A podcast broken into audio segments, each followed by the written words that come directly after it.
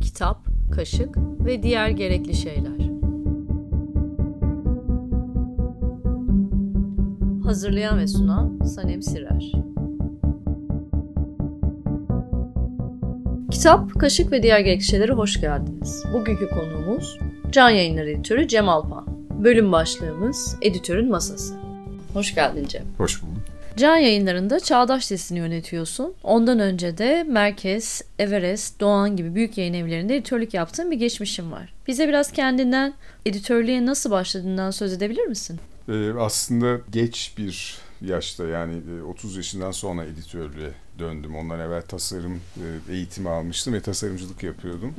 Fakat bir süre sonra e, yaptığım meslekten, yaptığım işten ya da o dünyadan çok fazla aslında uzunca döneme yayılan bir süreden bahsedebilirim. Yani üniversite yıllarından itibaren işte gittikçe daha fazla okumakla e, ilgilendiğimi fark ettim ve böyle yavaş yavaş işte e, kitapların kapaklarına da bir işte nesne obje olarak kitaba da ilgi duyduğum için işte bir yayın eviyle çok spontane bir şekilde bir yayıncılık ve işte kitap kapağı, kitap üzerinden bir sohbet gelişti. Onun arkasından hemen arkasından bu işi yapmak istediğimi çok böyle açık bir şekilde hissedip yani sen kitap kapağı yapmak üzere bir yayın evine... E, aslında biraz konuşunca biraz e, öyle gibi oldu ama tam öyle değil. Yani çok e, okuyordum ve bir yayın evi'nin sahipleriyle konuşurken ya siz kitaplarınız çok iyi kitaplarınız var ama bu kitaplarınız işte böyle basarsanız arka kapak yazısı böyle olursa işte bu şekilde konumlandırırsanız e, kitaplarınız okurlarına ulaşmaz diye böyle bir e, şekilde bir, bir sohbette şeyler söylemiştim. Onlar da etkilenip ya bir gün biz seninle bu meseleyi konuşalım dediler. Ve konuştuklarında işte fark ettiler ki işte ben işte klasik olsun, güncel edebiyat olsun falan e, ciddi bir şekilde takip ediyorum. Ama asıl ben şunu fark ettim, ben bu işi yapmak istiyorum. Hı hı. E, ondan sonra e, bir baktım işte bilgisayarda proje çizmek yerine kitap kapak, sevdiğim kitapların kendi kendime işte kapaklarını yapıyorum. İşte bilgisayar programlarıyla, çizim programlarıyla filan e, derken öyle bir çevrenin içerisine girdim ve bir ya merkez yayınlarında işte bir editör arıyorlarmış işte bir hani sen bir yapsana şu işi yani sen aslında şu işi yapsan daha mutlu olursun diye bir yazar arkadaşım e, böyle bir teklif getirdi, e, öneri getirdi ya da ve başvurdum. Ve merkez yayınlarında o zaman İlktur Özdemir vardı. O da e, onunla da işte neler okuyorsun diye ilk sordu bana. O esnada verdiğim cevabı da net hatırlıyorum. İşte Sebaldi okuyorum. O 2004 senesi filandı. Sebaldi ve Bolanyo'yu okuyorum en son. Bu ikisini çok beğendim dedim ki ikisini de İngilizce okumuştum zaten. Onun üzerine anladım sen hani iyi bir okursun. Peki hadi bir başla o zaman gibi. Hakikaten o da belki bir risk aldı kendi adına. O şekilde yayıncılığa girmiş oldum ve ondan sonra bir daha çıkmadım. Ve o, orada yetiştin, merkezde yetiştin. Merkezde bir sene kadar kaldım. Daha sonra e, oradan ayrıldım ve bir sene boyunca yine çeviri yaptım. Yani yine o alanda çalışmaya başladım. Psikanaliz alanında çeviri yaptım. Daha sonra Doğan'a bir edebiyat e, alanında bir çeviri yaptım. Onlar bende bir bağlantı kurup yani sen işte takip ediyorsun bize kitap raporu yazar mısın dediler. Bunun üzerine yazmaya başladım kitap raporu. Bir süre sonra da bana iş teklif ettiler. Editörlük. Editör olarak. Ve orada yabancı dil editörü olarak e, çalışmaya başladım çok kısa süre sonra. Orada ilginç bir şey oldu. O esnada da Doğan Kitap'ta bir değişiklikler vardı. E, Türkçe edebiyata da bakmam gerekti. Ki Türkçe edebiyat konusunda çok fazla bir deneyimim de yoktu aslında. İşte Elif Şafak'ın editörü oldum. Fakat aynı zamanda işte yabancı kitapların da editörlüğüne bakıyordum. Orada da bir iki sene çalıştıktan sonra ve hakikaten çeşitli kitapların editörlüğünü yaptıktan sonra Can yayınlarına Zeynep Çağlıyor döneminde can yayınlarına geçtim.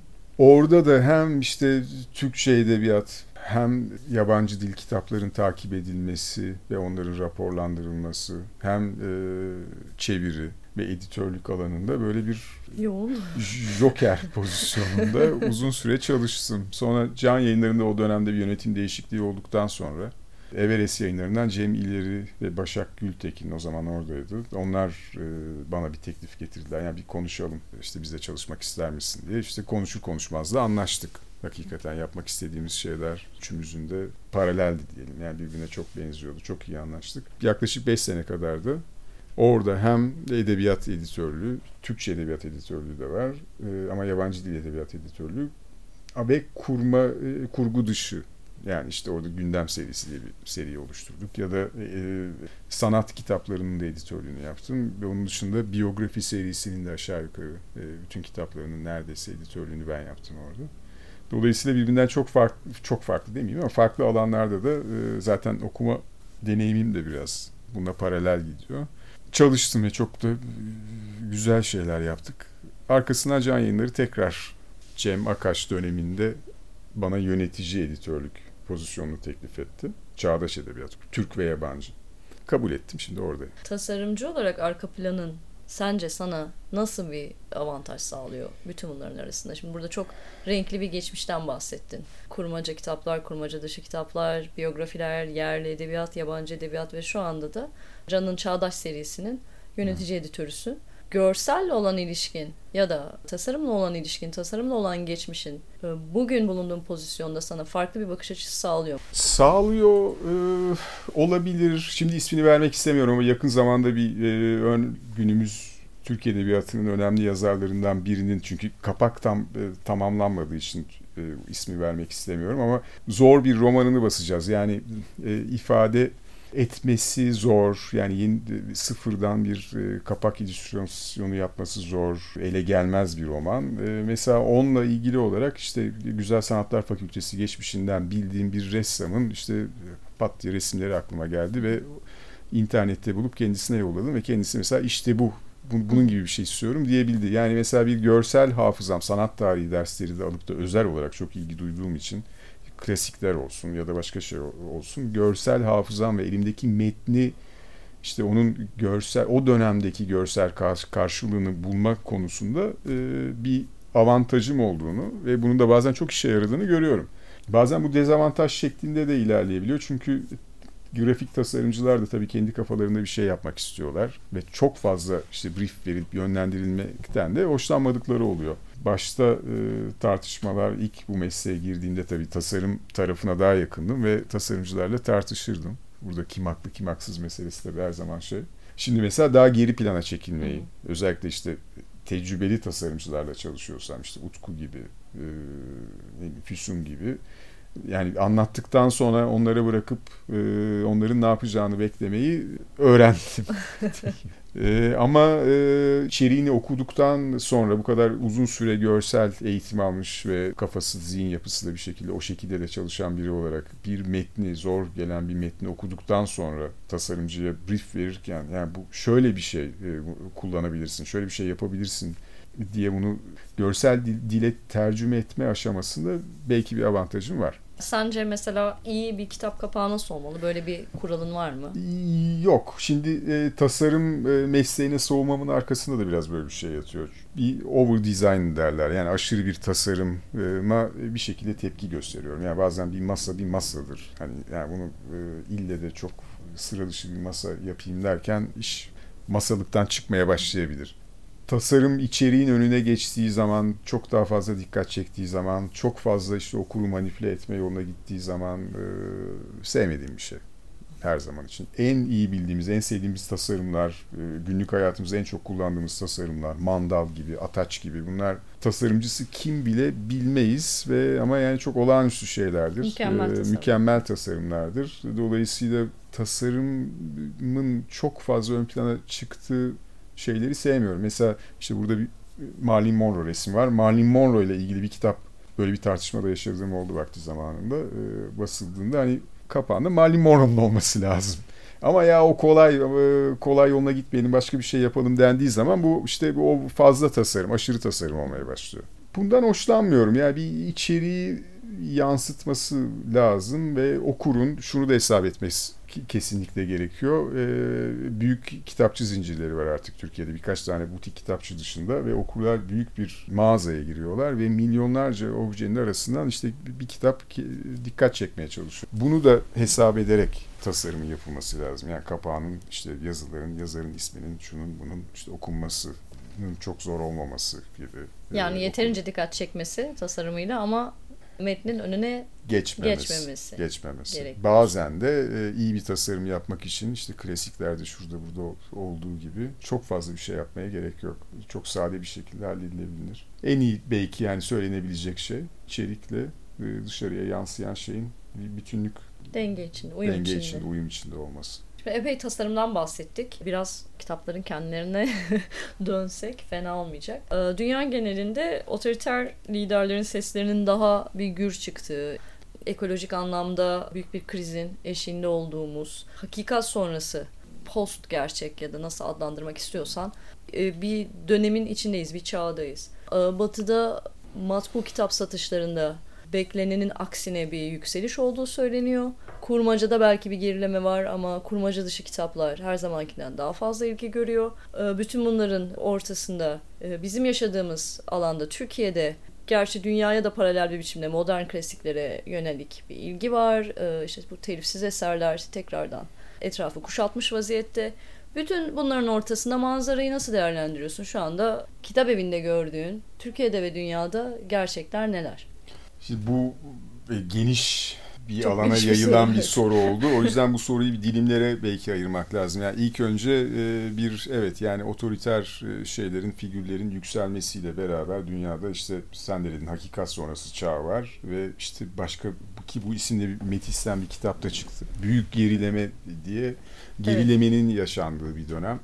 Ve bu dönemde de insanlar işte en azından işte yani Türkiye'de de bence benzer bir e, şey arayış var ama yani dünyada da İkinci Dünya Savaşı yani bir yüzyılda iki, iki büyük dünya savaşı geçirdikten sonra hala tekrar işte faşizmin hortladığına tanık olduklarında belki bu noktaya tekrar nasıl geldikleri e, konusunda bir hesaplaşma içine girdiler en azından e, orta Avrupa'nın orta sınıfı e, diyebiliriz. Dolayısıyla bir de edebiyat üretiminde yani her şeyin birbirini tekrar ettiği bir dönem var. Yani sinemada da, müzikte de yani bugün klasik müzikte hepimizin bildiği dikkat çekecek bir yeni bir besteci var mı yok mu onu bile bir iki isim söylemek için düşünmemiz gerekir. En azından kitlelere e, hitap eden besteciler az. Yeni bir şeyin pek üretilmediği bir dönemde bu bir, bir taraftan da. Dolayısıyla e, kurmacaya ve ne, nasıl tekrar bu döneme ve bu, bu e, şeye e, otoriter dediğim gibi rejimlere dönüldüğü konusunda insanların herhalde daha fazla düşündükleri bir dönem. Birçok şey beklediği gibi olmadı kimsenin. Yani mesela otomasyonun artmasıyla işte insanların daha az çalışacağı gibi teoriler vardı, beklentiler vardı. İnsanların çok daha fazla çalıştıkları. İşte popülerleşen bir ifadeyle işte yüzde birin yüzde 99'u tahakküm altına aldı. Sosyal medya gibi mecraları çok kolayca mecralarla insanları manipüle ettikleri bir dönem bir taraftan da. Bir yerde bir araştırma okumuştum yani e, Bifon'un kitabında söylüyordu. Tam net şeyi hatırlamayabilirim rakamları ama insan işte zihni, aklı şey, saniyede 3 heceye anlam verebiliyor ama 6 hecede 3 heceden sonra yavaş yavaş abuklamaya başlıyor. Ama şu anda ki kitap 2008 yılında yazılmıştı. Bu hız 6 heceye kadar çıktığını söylüyordu. Bir yerden sonra artık düşünme şeyi ne ortadan kalkıyor. E bu Trump gibi e, liderlerin çok manipüle ettikleri bir şey bu. Yani birbiri ardına birbirinde çelişen haberler ondan sonra bombardımanıyla insanların aklını karıştırıyorlar. Ve insanlar da artık yani e, neyi seçeceklerini bilmiyor. Böyle bir ortamda nasıl tekrar bu duruma geldik diye insanların durup düşünmesi dolayısıyla kitaba yönelmesi normal gibi sanki. Türkiye'de de aynı şey geçerli gibi. Yani kurgu dışı alanda kitap basmak bunu yakın geçmişe kadar birkaç tane yayın evi vardı. İletişim Metis gibi. Ama şimdi bir sürü yayın evinin bu alana açıldığını, gerek ekoloji, işte gerek e, siyaset sosyolojisi ve bu gibi konular konusunda bir bayağı e, angaja yayın, yayın yaptıklarını görüyoruz. İnsanlar bence bir şekilde olan biteni anlamaya çalışıyorlar. Anlamlandırmaya çalışıyorlar. Anlamlandırmaya çalışıyorlar ya da. Tabii bu bir çok geniş bir kesim değil. Orta sınıf e, ait kesim. E, yani iyi kötü üniversite eğitimi almış, okuma şansı bulmuş kesin.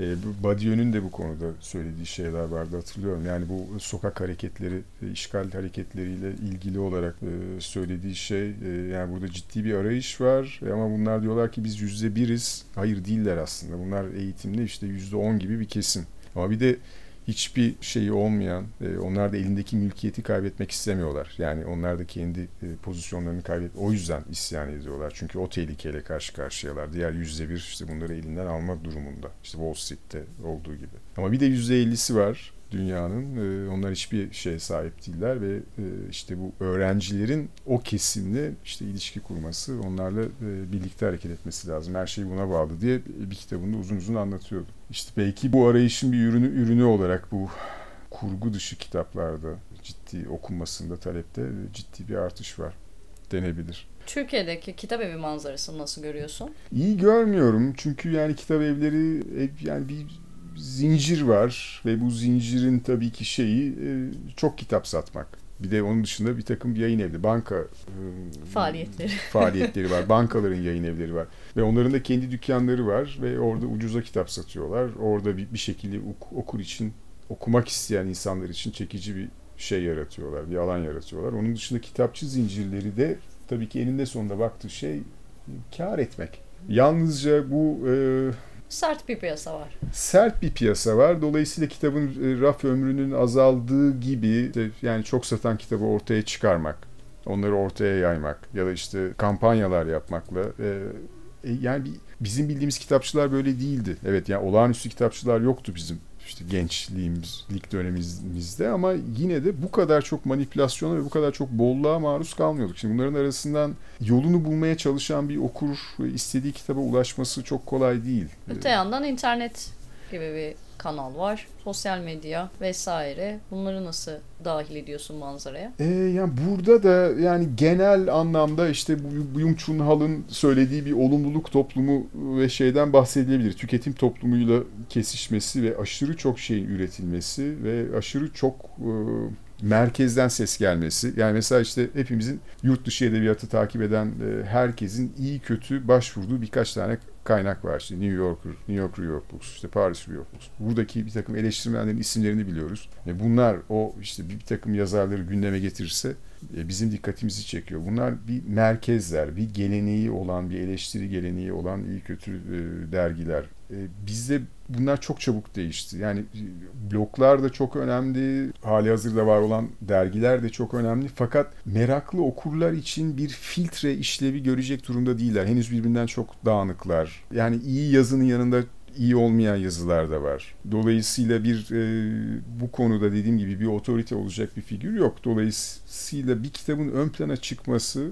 işte yayın evinin onu öne çıkarması ya da sosyal medyayı işte iyi manipüle etmesi, iyi kullanmasıyla mümkün oluyor. E burada da e, yani ilk bir sürü kitap güme gidebiliyor. Raf, raf ömrü de çok kısa olduğu kısa. için. Yani 20 küsür gün sonra bu aşağı yukarı işte bir iade olarak geri döndüğü için çok sevdiğimiz, çok iyi olduğunu düşündüğümüz kimi kitaplar maalesef depolara tekrar dönebiliyorlar. Evet. Türk yazarlar için de geçerli aynı şey. Ee, üretim fazlalığı ve güvenilir referans e, evet, Bir filtrenin e, güçleşmesi işte bugün kitap eklerinin çok daralması hepimiz biliyoruz. E, eskiden yani bu kitap ekleriyle şu anki kitap ekleri arasında fark var ve işte biraz eleştiri konusundaki moda tabirle sıkıntılar. Çünkü yani bir yerde kitap eklerindeki kitaplarla ilgili yazılar da eleştiriden çok tanıtıma ağırlık veriyorlar. Yani burada anlaşılır bir şey belirli noktalarda.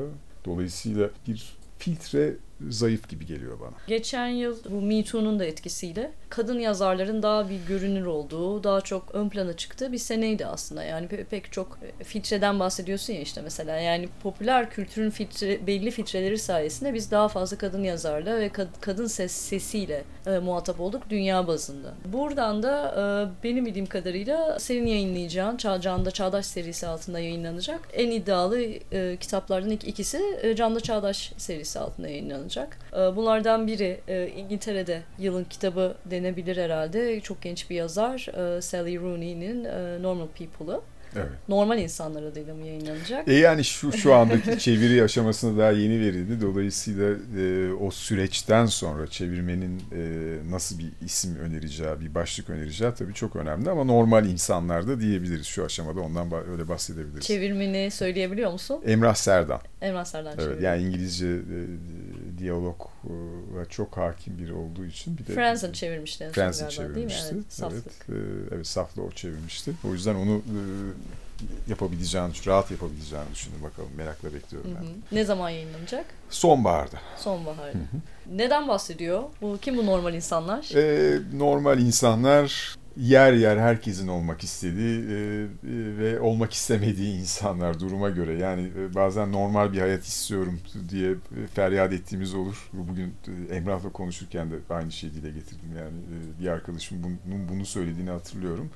Bir taraftan da işte normal insan deriz ama işte biraz yakınlaşınca onun hiçbir zaman için normal olmadığını, normallik diye bir şey olmadığını da işte kavrarız. Biraz o normal şeyle tabii e, kitap oynuyor. Fakat günümüz ilişkilerini, günümüz üniversite gençliğinin, günümüz gençliğinin zaten yazar Rooney 27 yaşında. Ve hakikaten bu sene yılın kitabı oldu. Günümüz gençliğinin ilişkilerini anlatan aslında çok e, işte genel geçer böyle bir serbest bir ilişki e, duygusal yatırım ya da işte herhangi bir e, bağın e, kalıcı bağın kurulmadığı herkesin çok rahat olduğu varsayılan e, o işte sahiplerle başlayan ama sonra gittikçe karmaşıklaşan ve zorlaşan bir ilişkiyi anlatıyor. Biraz bu günümüz gençliği derken işte bunun bir şeyini çıkarabiliriz. Ee, mesela iki karakterin de hayatında iki gencin de yani bir aşk ilişkisi yaşayan, tutku ilişkisi yaşayan iki gencin de hayatında baba figürünün çok zayıf olması ve bunun bir şekilde hani e, otoritenin yokluğunu çok iyi bir şey olarak görebiliriz. Bunun da kimi zaman e, ciddi sorunlara yol açabileceği, e, bir erginleşme e, sürecinin yaşanamayacağı, olgunlaşma sürecinin yaşanamayacağına dair çok serbest ve rahat başlayan ama gittikçe çetrefilleşip e, zorlaşan günümüze az bir ilişkiyi anlatıyor. Aşk ilişkisini anlatıyor aslında. Sally Rooney'den Amazon'a bakıyordum geçenlerde de. E, gerçi ben şahsen hiç katılmıyorum bu bu tarz e, tanımlamalara. Snapchat kuşağı için Salinger e, diye bahsediyorlardı. Şimdi, şimdi Salinger Salinger'dır tabii ki. Evet. Yani bir şey artı bir şey karışmış olmuş ortaya karışık Salinger demek hoş bir şey değil ama bu yayıncılık anlamında bu e, tabii ki e, yüksek bir paye. Evet. yani ve işte kitabın e, gördüğü ilgi de düşünülürse sanırım şimdi e, Amerika'da benzer bir etki yaratacak. İngiltere'de e, en son Costa'yı aldı sanırım. Evet. E, pek çok ödül aldı. İlginç olacak burada da ben de merakla e, bekliyorum burada okurun nasıl yanıt vereceğini görmeyeyim. Ben de öyle ama ben mesela Salinger demezdim de günümüz Jane Austen'ı da dendi. Evet değil mi? Ve e, o tanımı daha uygun görürdüm. Çünkü diyalog üzerine kurulu ve ilişkileri bu yakın ilişkileri diyaloglarla anlatan e, bir yazar olmasıyla ve böyle daha sosyal evet olması. sınıf hassasiyeti olmasıyla da kesinlikle de bence günümüz 21. yüzyılın Jane Austen'ı daha doğru bir tanımlama Salinger'dansa. Bunun dışında Normal People'ın dışında e, Sophie McIntosh'un evet. Walter Cure'da sizin programınızda. Evet. E, onunla ilgili biraz ondan bahsedelim. Neler söylemek istersin? O da ilginç bir yazar. O çok da farklı bir kitap bir kere. Çok farklı bir kitap.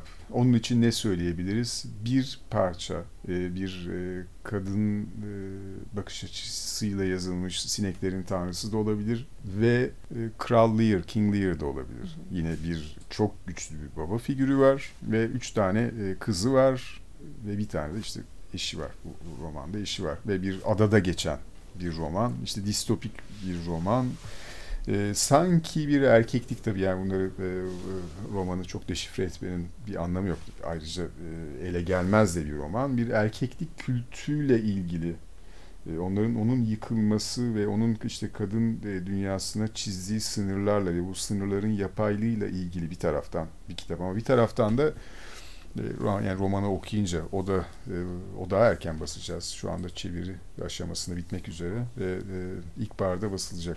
Önümüzde birkaç ay içinde basılacak. Birkaç ay içinde Nisan ayında basmayı planlıyoruz. Çevirisini kim yaptı? Begüm Kovulmaz. Begüm Kovulmaz. Evet. evet, o açıdan çok şanslı bir kitap Hı-hı. bizde. Bir taraftan da sevginin ya da aşkın ya da işte tutkunun tehlikeleriyle ilgili bir kitapta bir taraftan. Yani o bir erkek ve kadın arasında ciddi bir ilişki bu mitsel dünyada diyelim kuruluyor bir aşamasında. Babanın e, babanın otoritesinin yıkılmasıyla birlikte fakat e, bu işte idilik ortam diyebileceğimiz işte bu adada e, yalnız kaldıkları bir ortamda bu ilişki bir taraftan da çok tehlikeli olabiliyor. Çok şiddette içeri, içerme tehlikesi olabiliyor. E, yani cinselliğin ardındaki şiddete dönüşme potansiyelini de e, çok iyi yansıtan, çok tuhaf ve çekici bir kitap gerçekten. Ee, yanlış hatırlamıyorsam Man Booker listesindeydi değil o mi? O da Man Booker evet. listesindeydi. İlk roman olarak. Sally Rooney de öyleydi. Sally Rooney de öyleydi. Sally tamam. Rooney bildiğim kadarıyla şeye, e, ikinci tur dediğimiz işte bu e, kaldı ama şey yalnızca ilk adaylıkta kaldı. Hı hı. Sophie McIntosh. Ha, uz, uzun listede. Aday uzun listede arasında. Evet aday aday. Anladım. Ee, çevre odaklı konuştuk. Ee, Çama Çağdaş'ta yerli edebiyata dair de bir sürü e, gelişme var anladığım kadarıyla. Ee, sene başında daha doğrusu sene sonunda Kasım ayıydı sanırım TÜYAP zamanı e, Latife Tekin'in iki romanı birden yayınlandı. Şimdi 2019'da neler yapıyorsun? Neler olacak? 2019'da yakın dönemde e, gelecek ay Murat Gülsoy'un bir kitabı çıkacak. İsmin hala net olmadığı için onu e, üzerinde hala çalışıyoruz. İsmini vermeyeyim ama bir gece yürüyüş, uzun bir gece yürüyüşü ama bir, sürreal ya da işte biraz fantazmagorik bir e, ortamdaki bir gece yürüyüşünü anlatıyor. Ondan sonraki ay Mahil Ünsal Eriş'in 6 yıl gibi uzunca bir süreden sonra yine ilginç iki kitapla birden öyküleri. E, öyküleri ama iki farklı kitap olarak kurguladığı öyküler bunlar. Biri Sarı Yaz olacak, diğeri de e, Kara Yarısı olacak. Sarı Yaz yani ikisi de tematik olarak farklı pencereler açıyorlar diyeyim ya da yazar o şekilde yazıyor. İki kitabını birden yayınlayacağız. Mayıs ayında nispeten sürpriz dediğimiz bir genç bir yazarımız var. Onun ismini şu anda vermek istemiyorum. Ve Haziran ayında yani tabii onun dışında Süreyya Evren'in hikayelerini, toplu hikayelerini tekrar yayınlayacağız.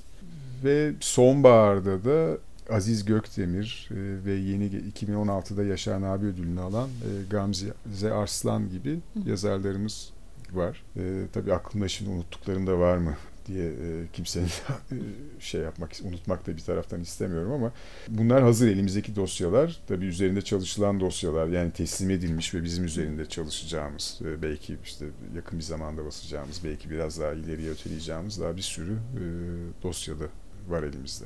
Yani anladığım kadarıyla Çağdaş dizisi altında günümüz çeviri olsun, yerli edebiyat olsun, günümüzün kaygılarını yansıtan, günümüzün arayışlarını yansıtan metinleri bir araya getireceksiniz. Kesinlikle biraz e, şeyde de yani çağdaş dünya edebiyatında da bir parça daha gençleşmek istedik. Buna karar verdik. E, Cem Akaş'la daha ilk konuştuğumuzda ve daha doğrusu yayın kurulu olarak da bugünün sorunlarını yansıtan kitapları da ve bugünün yeni yani 30 yaş civarındaki yazarlarına da yer vermek. İşte kadın sorunu, ekoloji sorunu, e, gibi konuları da işleyen, bu konuları da edebiyata dahil eden, edebiyatına dahil eden ki bunu yani mesela en enteresan tamam genç yazarlar diyoruz ama bunu aslında Latife Tekin yaptı ilk hı hı. aşamada. Yani Mahme City e, özelinde özellikle konuşacak olursak orada bir yeni e, yoksulların e, ve e, sürüklenmede de aslında sürüklenmede belki de daha bile fazla var.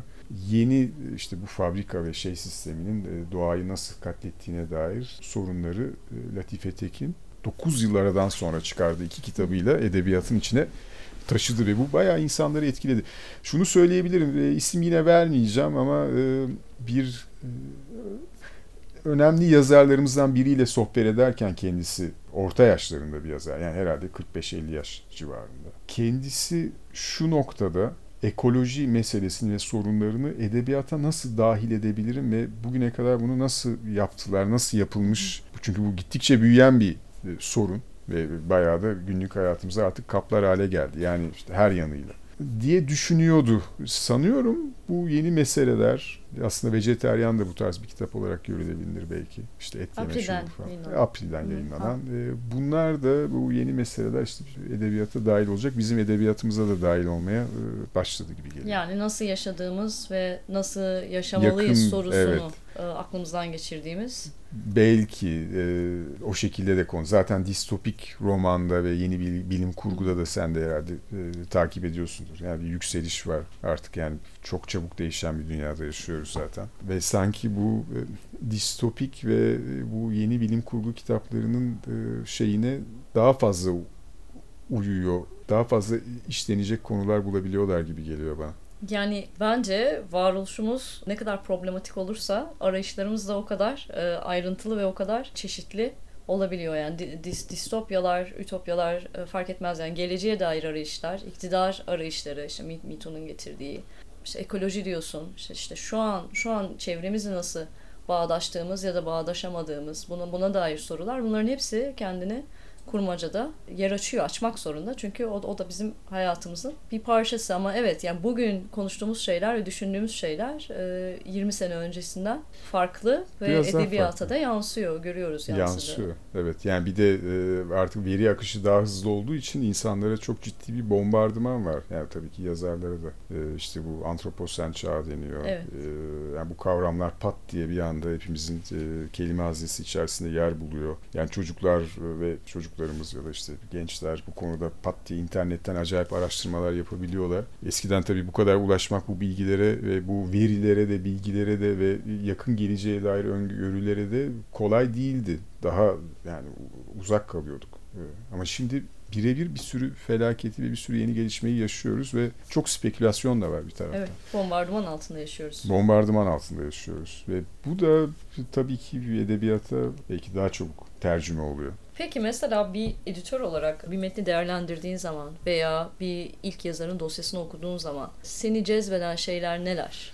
Bir metinde ne arıyorsun? Bir metinde ne arıyorum? Şimdi de okur kendi okur olarak metinde aradığım şey nispeten belki bir parça daha farklı. Ama tabii editör olarak yalnızca kendi beynimin e, süzgecinden geçirmiyorum. Kaldı ki işte seninle daha önce de konuşmuştuk. Bazı çok sevdiğim yazarları e, mesela Türkçe'ye çevrilmesi için işte İngilizce'de okudum çok sevdiğim yazarların Türkçe'ye çevrilmesi için herhangi bir girişimde bulunmuyorum. Çünkü bir şeyi kaybedeceklerini ikinci dile aktarılırken görüyorum. Yani mesela bunların en hep verdiğim örnek Henry Green. Yani Living, Loving ve Party Going üçlemesi en sevdiğim kitaplardan biridir ama çok iyi biliyorum ki e, bunu çevirmek çok zor. Dolayısıyla e, bir dosya geldiğinde Türkçe dosyalardan bahsedecek olursam. Dosya geldiğinde kendi beynim tabii ki rol muhakkak oynuyor ama burada yayın evinin bir geleneği ve çizgisi de çok önemli. Yani can yayınları geleneği olan bir yayın evi. Karakteristiği olan bir yayın evi. Zaman içerisinde ufak tefek değişiklikler olsa da. Bir kere bir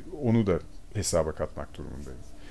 Yine de ama yazar yani bu bu yazar bu kişi yazar bana dedirten bir takım şeyler olduğunu daha açık bir şekilde görebiliyorum. Tabii ki üslup her şeyin ötesinde. Kelimeleri doğru seçmesi, bir e, işte karakteristiğinin olması kendini bazen mesela işte demin bahsettik Gamze Aslan'ın daha ilk hikayesinden itibaren kendim e, bilmediğim bir takım bir sürü Türkçe sözcük şey, sözcük görüp e, buna işte internet ya da sözlüklerden baktım ya yani nerede var mı böyle bir sözcük gibi kelime haznesi olan ve bunları özenle seçen ve bir üslubu olan, bir tavrı ve enerjisi olan yani çok soyut bir şey söyleyeceğim ama bazı yazarların dil, dilinde titreşim var ve insan evet. bunu bir şekilde hissediyor. Bu dosyayı açar açmaz işte bana geliyorsa bu dosyayı e, en azından değerlendirmek için okumaya devam ediyorum. Bazen bu çok fazla olabiliyor üslup. Bunu da hiç kendi adıma sevmiyorum yine muhakkak bir değerlendirme ama üslubun anlatılan şeyin e, önüne geçtiği ve duyguyu verdiği ki bunu e, çoğu zaman işte bu özellikle Hollywood filmlerindeki film müziğiyle özdeşleştiririm. Yani e, kiminin sevineceğini, kimin üzüleceğini ya da seyircilerin sevinip üzülmesini müzikle verirler ve bir şekilde aslında o müzik e, anlatılandan bağımsız bir hal alır ve seyirci çok ciddi manipüle eder. Üslup yine işte aşırı e, abartısıyla, devrik cümleleriyle okuru manipüle etmeye yönelikse ondan da hoşlanmıyorum. Dolayısıyla üslubun da bir dengesi var ama önemli. Ondan sonra da tabii hikayenin bütünlüğü, işlediği konunun güncelliği ya da e, okur hitap edip etmemesi ve e, tabi ister istemez de benzer e, alanlarda bizim işte bir, bir kitap hani hali hazırda bastığımız yazara benzer bir e, dosya geliyorsa ve tabii onun da hesaba katmak zorundayız. Nasıl hesap? Mesela ne kadar benzer? Akrabalık kurabilmeli mi yoksa bu bir dezavantaj mı diyorsun? Ee, yani e, iyi yazar var ve iyi olma potansiyeli olan yazar var. E, bunların hepsinin sizin yayın e, programınızdaki ağırlığı önemli. Neden önemli? Bu yazarlar için de önemli. E, çünkü şimdi demin e, işte hangi yazarları aşağı yukarı işte e, önümüzdeki yıl basmayı planlıyorsun diye sorduğunda aklıma binlerce şey geliyor. Bir yayın programında bir yazara yer bulmak ve işte onu yayınladığında işte diğerinin önüne geçmemesi için e, bir program yapmak çok önemli. Birbirine benzer çok fazla yazar basarsanız bir şekilde bunlardan biri ikisi dikkat çekmez. Dolayısıyla bir seçme yapmak ve bunları belirli periyodlar içerisinde doğru zamanda yayınlamak işin çok önemli bir kısmı aslında. İşte bunun için vakte de ihtiyaç var, yazarın sabrına da ihtiyaç var. Bazı dosyaların üzerinde ciddi çalışma gerektiriyor. Bazen beraber çalışıyoruz. Bazen zaman Yazarlar buna açık mı? Yazarların e, şimdi burada da aynı şey söz konusu. Yani kendini kabul ettirmiş bir yazarın e, buna çok fazla ihtiyacı hem olmayabilir hem buna açıkta olmayabilir. E, yani neticede teslim eder ve şu tarihte basılacağını bekler ama sen yine de okuyup işte ona bir belirli e, konularda eleştirilerini sunarsın. Kimi kabul eden oluyor ama kabul etmeyip de bu benim tarzım ve üslubum diyen de oluyor. Yani bunu yalnız e, başka birçok yayın evinde de tanık oldum. Ama genç yazarlarda aynı şey burada da söz konusu olmakla birlikte mesela bir Engin Türk geldi gibi bir yazarın çok ciddi bir editörlüğe kesinlikle ihtiyacı yok. O her kelimenin kendince hesabını vererek yazar. Onun bu sene yeni bir kitabı geliyor Onun mu? Onun bu sene maalesef gelmiyor. Bir tasarısı var. Onu da paylaşmayacağım şimdi. Ee, benle paylaştığı bir e, kafasında bir tasarı var. Ama henüz onun üzerinde çalışması sanıyorum bir sene boyunca zaman alacak. Yani bir seneyi en azından bulacak gibi geliyor. 2020'de e, dilerim geldiğin yeni kitabını basarız. Ama mesela başka bir dosya, isim tabii ki vermiyorum, da çok yapmaya çalıştığı şeyin çok kolay olmadığını, bir potansiyel olduğunu görüyorsunuz ve yazarla bir toplantı talep edip bu dosyadaki iyi şeyleri ve sorunlu şeyleri onunla paylaşıyorsunuz ve bazı noktalarda onun tekrar e, bunun üzerinden geçmesini işte istiyorsunuz ve böyle bir metin 2-3 kez gidip geliyor. Yani bu belki 6 aya bazen bir sene yayılan bir çalışma süreci başlıyor. Buna da çok önem veriyorum. Ama burada tabii ki söz konusu olan şey potansiyeli olan yazar ve onu e, bir şekilde görüp onda anlaşabilmek yazarla birlikte. Şimdi epey uzun konuştuk aslında. Sohbetin sonuna doğru gelirken sana ben kendi okuma alışkanlıklarına dair bir şeyler sormak istiyorum. Öncelikle sen bu aralar neler okuyorsun veya geçtiğimiz sene sende iz bırakan neler okudun ve zaman içinde sürekli geri döndüğün yazarların, e, kitapların, işte başucu kitabı diyebileceğimiz sana ait kendi klasiklerin var mı? Varsa bunlar neler? Senin bir okur olarak profiline dair e, veya bir başkasına, bir başka okura gönül rahatlığıyla evet bu yazarları okuyun, tanıyın, bu kitapları ıskalamayın demek istediğin kitaplar neler? Bu K, K24'te de bir bu senenin kitapları ne diye sorulmuştu. Ben Yapı Kredi'ni çıkardı. Claude Magris'in e, davanın reddinesi ne söylemiştim. Bir şekilde tekrar aklıma gelen kitaplardan biri olarak yani insandaki yıkıcılığın ve işte üzerine yazılmış ve her şeye rağmen bir parçada bütün karanlığıyla vermesine rağmen bir parçada böyle bir umut ışığı da e, yakabilen yani onu da görmemizi sağlayabilen bir roman olması yani hem sakınmasız olmasıyla acımasız olmasıyla hem de ona rağmen bir parça umut vermesiyle beni hakikaten okurken etkiledi çünkü biz de kolay bir dönemden geçmiyoruz aslında belki onunla da ilgili. Yani e, yakın dönemde e, okuyup da sevdiğim kitapların arasında onu söyleyebilirim ama tabii Sally Rooney'i de söyleyebilirim. Ee, normal insanlar diyelim ona şimdi. Fakat ben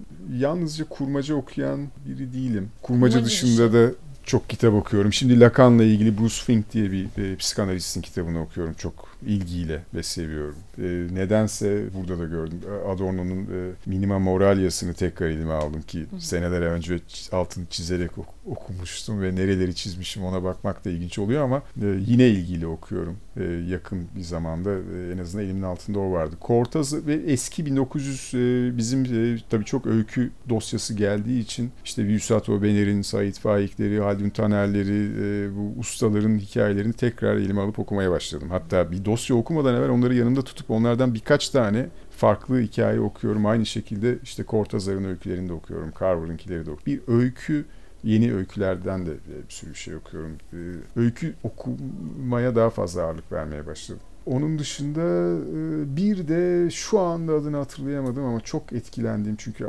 soyadı çok uzun. Ee, The Power of Gentleness yani nazikliğin diyesim geliyor ama sanıyorum yumuşaklıktan bahsediyor. Yine bir Fransız psikanalist e, kadının Anna sonunu hatırlayamadım. E, The Power of Gentleness diye bir kitabını e, çok beğenerek bir ilgiyle okudum. Yani tam tersi işte güç, yumuşak güçten bahsettiği bir kitap belki de. Ve bunu edebiyattan da örnekler ve siyasetten de örnekler vererek anlatıyor. Çok ilginç bir kitaptı. Catherine Malabou'nun The Ontology of Accident adlı kitabını e, Kazağının e, Ontolojisi adlı kitabını çok ilgili okudum. Aklıma şimdilik bunlar geliyor. Son olarak Başucu kitaplarım hangileri? başucu kitaplarını evet başucu kitaplarını atladım. En sevdiğim romanlar bu büyük romanlar. Savaş ve Barış. Klasikler. Evet, Middlemarch. Ama Robert Walzer ve Beckett gibi yazarları da sık sık elime alıyorum galiba. Robert Walzer ve Beckett ikisi, ikisi özellikle. Çok teşekkürler geldiğin için, e, dinlediğiniz için. Teşekkürler. Ben Sağ teşekkür ederim. Mail adresimiz merkezkumanda.gmail.com. Bize yazın.